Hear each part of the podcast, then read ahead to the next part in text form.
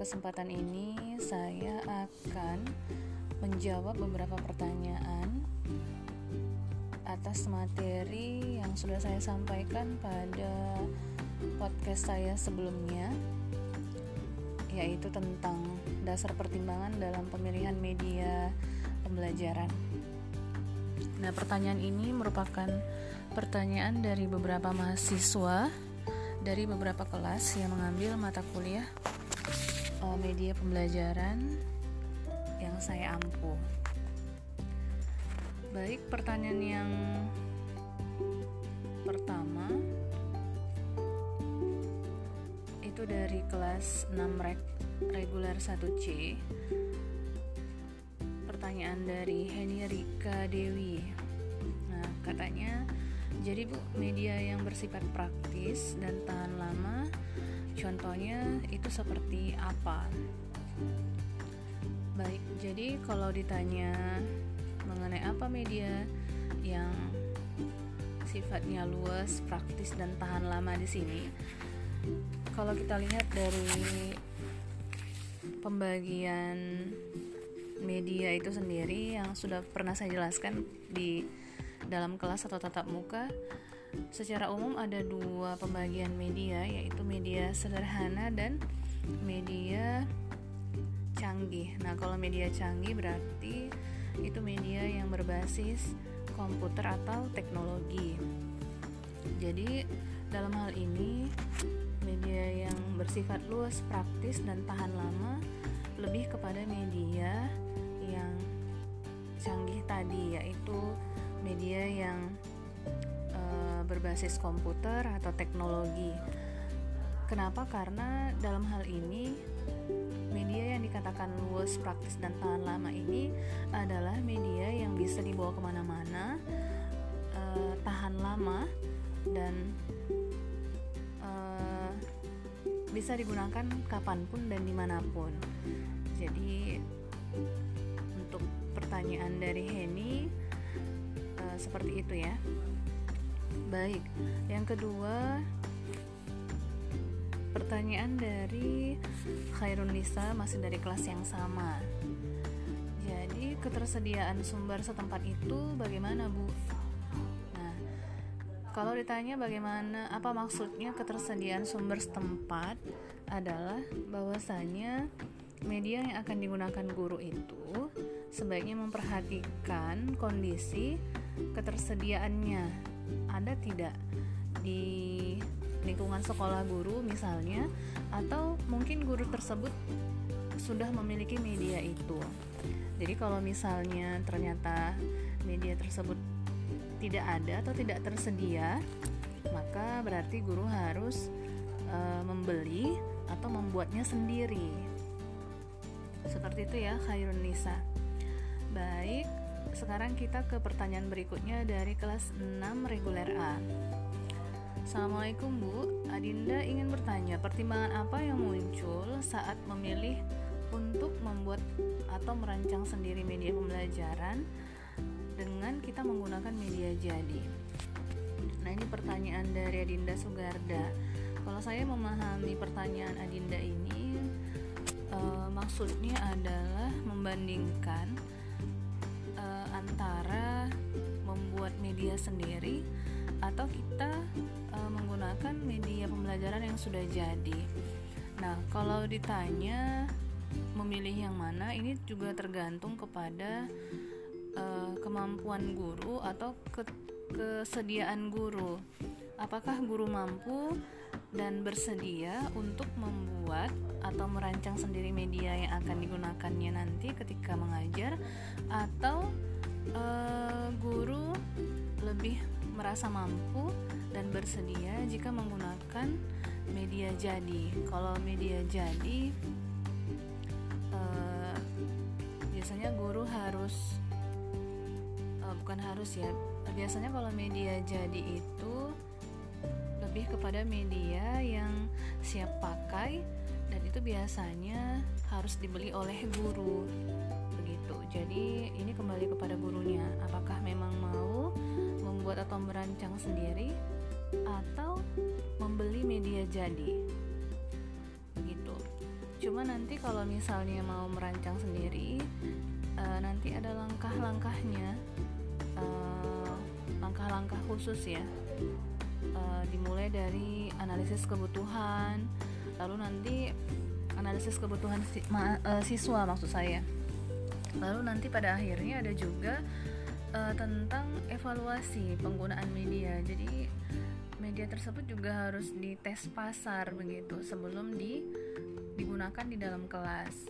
Ini kalau misalnya guru uh, mau merancang media itu mulai dari awal begitu.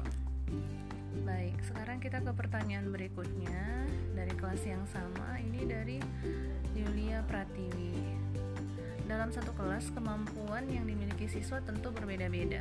Bagaimana Bu? Kita sebagai seorang guru menyesuaikan media yang akan kita gunakan dengan kemampuan siswa yang berbeda-beda itu. Tentukan kita tentukan kita sebagai seorang guru berharap agar semua siswa itu memahami dan mendapat pengetahuan. Namun di satu sisi guru juga terbatas dalam mempertimbangkan dasar pemilihan media yang lima tadi bagaimana Bu solusi atau jalan tengah untuk keduanya nah untuk uh, pertanyaan Yulia satu yang perlu kita Ingat bahwa media pembelajaran ini adalah alat bantu. Uh, dalam hal ini yang menjadi aktor utama dalam proses pembelajaran itu adalah guru. Berarti meskipun guru menggunakan alat bantu atau media pembelajaran, guru juga harus uh, maksimal dalam menjelaskan pembelajaran, uh, maksud saya menjelaskan materi pembelajaran di kelas. Jadi seperti yang sudah saya jelaskan juga di materi di kelas WAG ya, WAG kita kemarin ada saya sampaikan bahwa uh, salah satu pertimbangan guru dalam menggunakan media adalah gaya belajar siswa yang beraneka ragam. Jadi kalau misalnya guru menggunakan podcast audio misalnya ya. Jadi ketika guru menjelaskan sesuatu yang membutuhkan uh, penjelasan secara visual misalnya uh, guru menggunakan podcast audio ketika menjelaskan bagaimana cara pelaksanaan sholat wajib. Maka dalam hal ini guru membutuhkan media pembelajaran yang lain. Misalnya guru menampilkan gambar di depan ya gambar tentang uh, langkah-langkah atau tata, tata cara pelaksanaan sholat atau mungkin video begitu. Jadi itu juga bermanfaat untuk uh,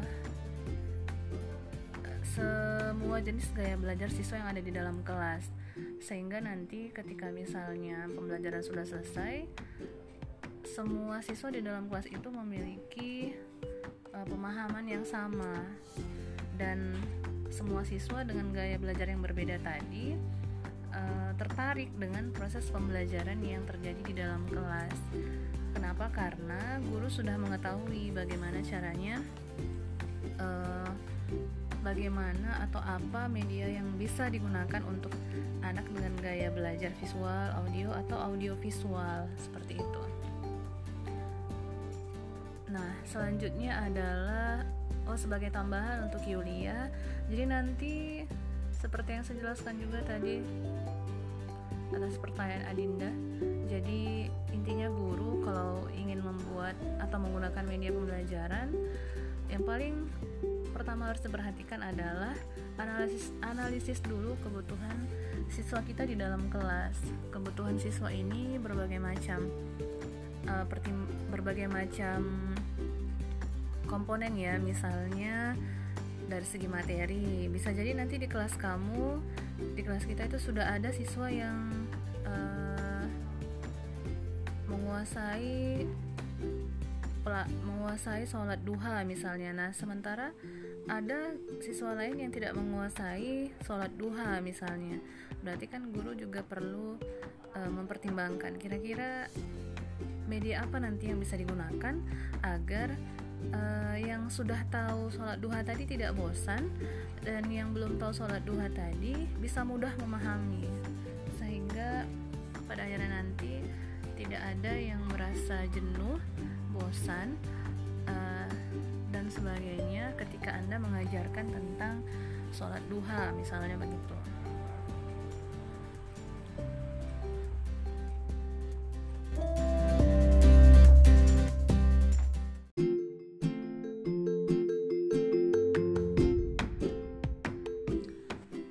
Tambahan untuk pertanyaan dari Yulia. Kadang-kadang memang guru akan terkendala dari segi dana misalnya atau waktu dan juga um, kemampuan dalam menggunakan media tersebut. Maka dalam hal ini guru sebaiknya memilih atau menggunakan media yang memang tidak menyulitkan guru itu sendiri baik dari segi dana dari segi waktu dan juga dari segi kemampuan atau kemahiran guru dalam menggunakan media tersebut. Begitu jadi jangan sampai guru menggunakan memilih atau membeli media yang menyulitkan guru itu sendiri. Sulit dalam hal biaya dan juga sulit dalam menggunakannya. Nah ini nanti akan menjebak guru sendiri ketika mengajar di dalam kelas begitu.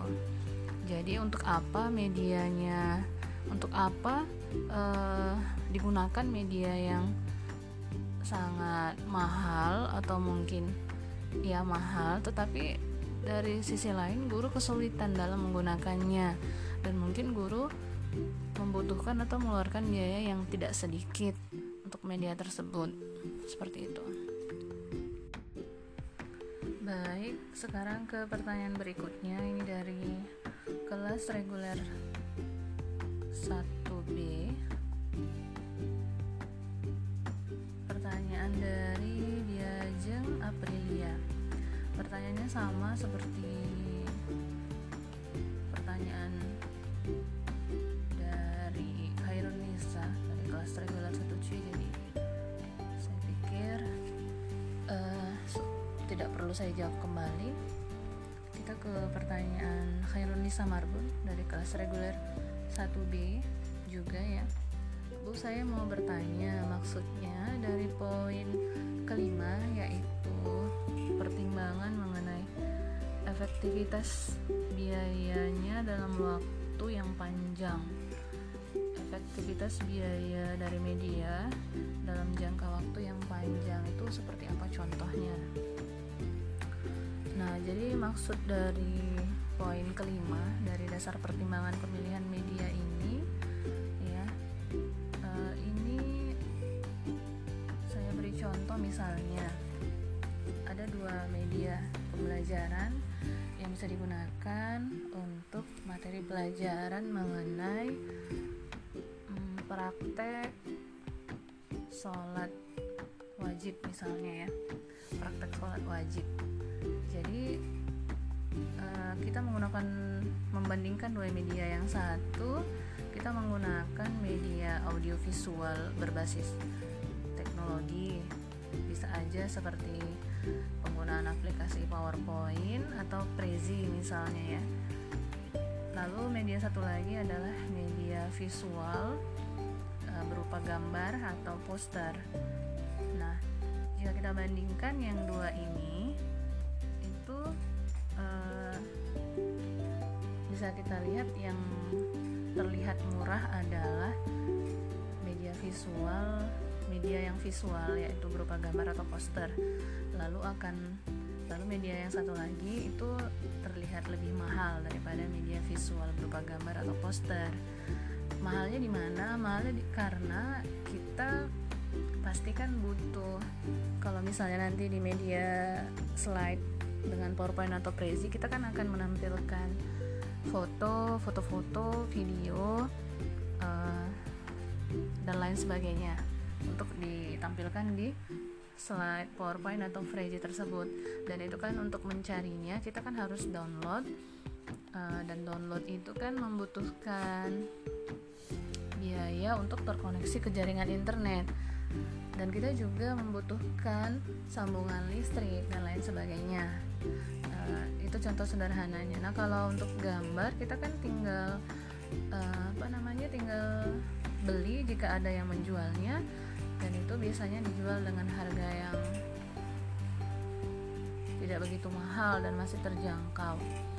Tetapi dalam hal ini untuk penggunaan jangka panjang itu yang yang apa namanya yang yang memang efektif untuk jangka panjang itu sebenarnya adalah penggunaan media uh, Prezi atau PowerPoint tadi begitu. Sementara kalau media gambar atau poster tadi uh, itu tidak tahan lama. Artinya kita nanti ketika menggunakannya di beberapa waktu yang akan datang tentu sudah tidak menarik ketika kita pertama kali memakai media tersebut begitu otomatis kan kita harus membeli lagi atau menggantinya dengan yang baru sementara kalau untuk media Freezy atau PowerPoint tadi uh, kita tidak perlu mengeluarkan biaya lagi kalaupun kita ingin mengubah uh, beberapa poin yang ada di dalam slide Freezy atau PowerPoint tersebut kita tidak menggunakan atau tidak mengeluarkan biaya yang banyak seperti itu karena kita hanya tinggal menyempurnakan, mengurangi atau menambahi yang perlu ditambahkan seperti itu. Baik, kita ke pertanyaan berikutnya dari kelas 6 reguler 2. Mohon maaf Bu, saya mau bertanya. Bu, dalam poin ketiga tentang media bersifat dana, tenaga dan yang harus dibeli. Yang mau saya tanyakan, bersifat membeli itu dalam bentuk apa ya Bu untuk media pendidikan yang akan kita ajarkan terima kasih nah ini ada di poin ketiga mengenai dasar pertimbangan pemilihan media e, detailnya itu adalah apakah untuk membeli atau memproduksi sendiri ters, e, media tersebut guru ada dana, tenaga, dan fasilitasnya.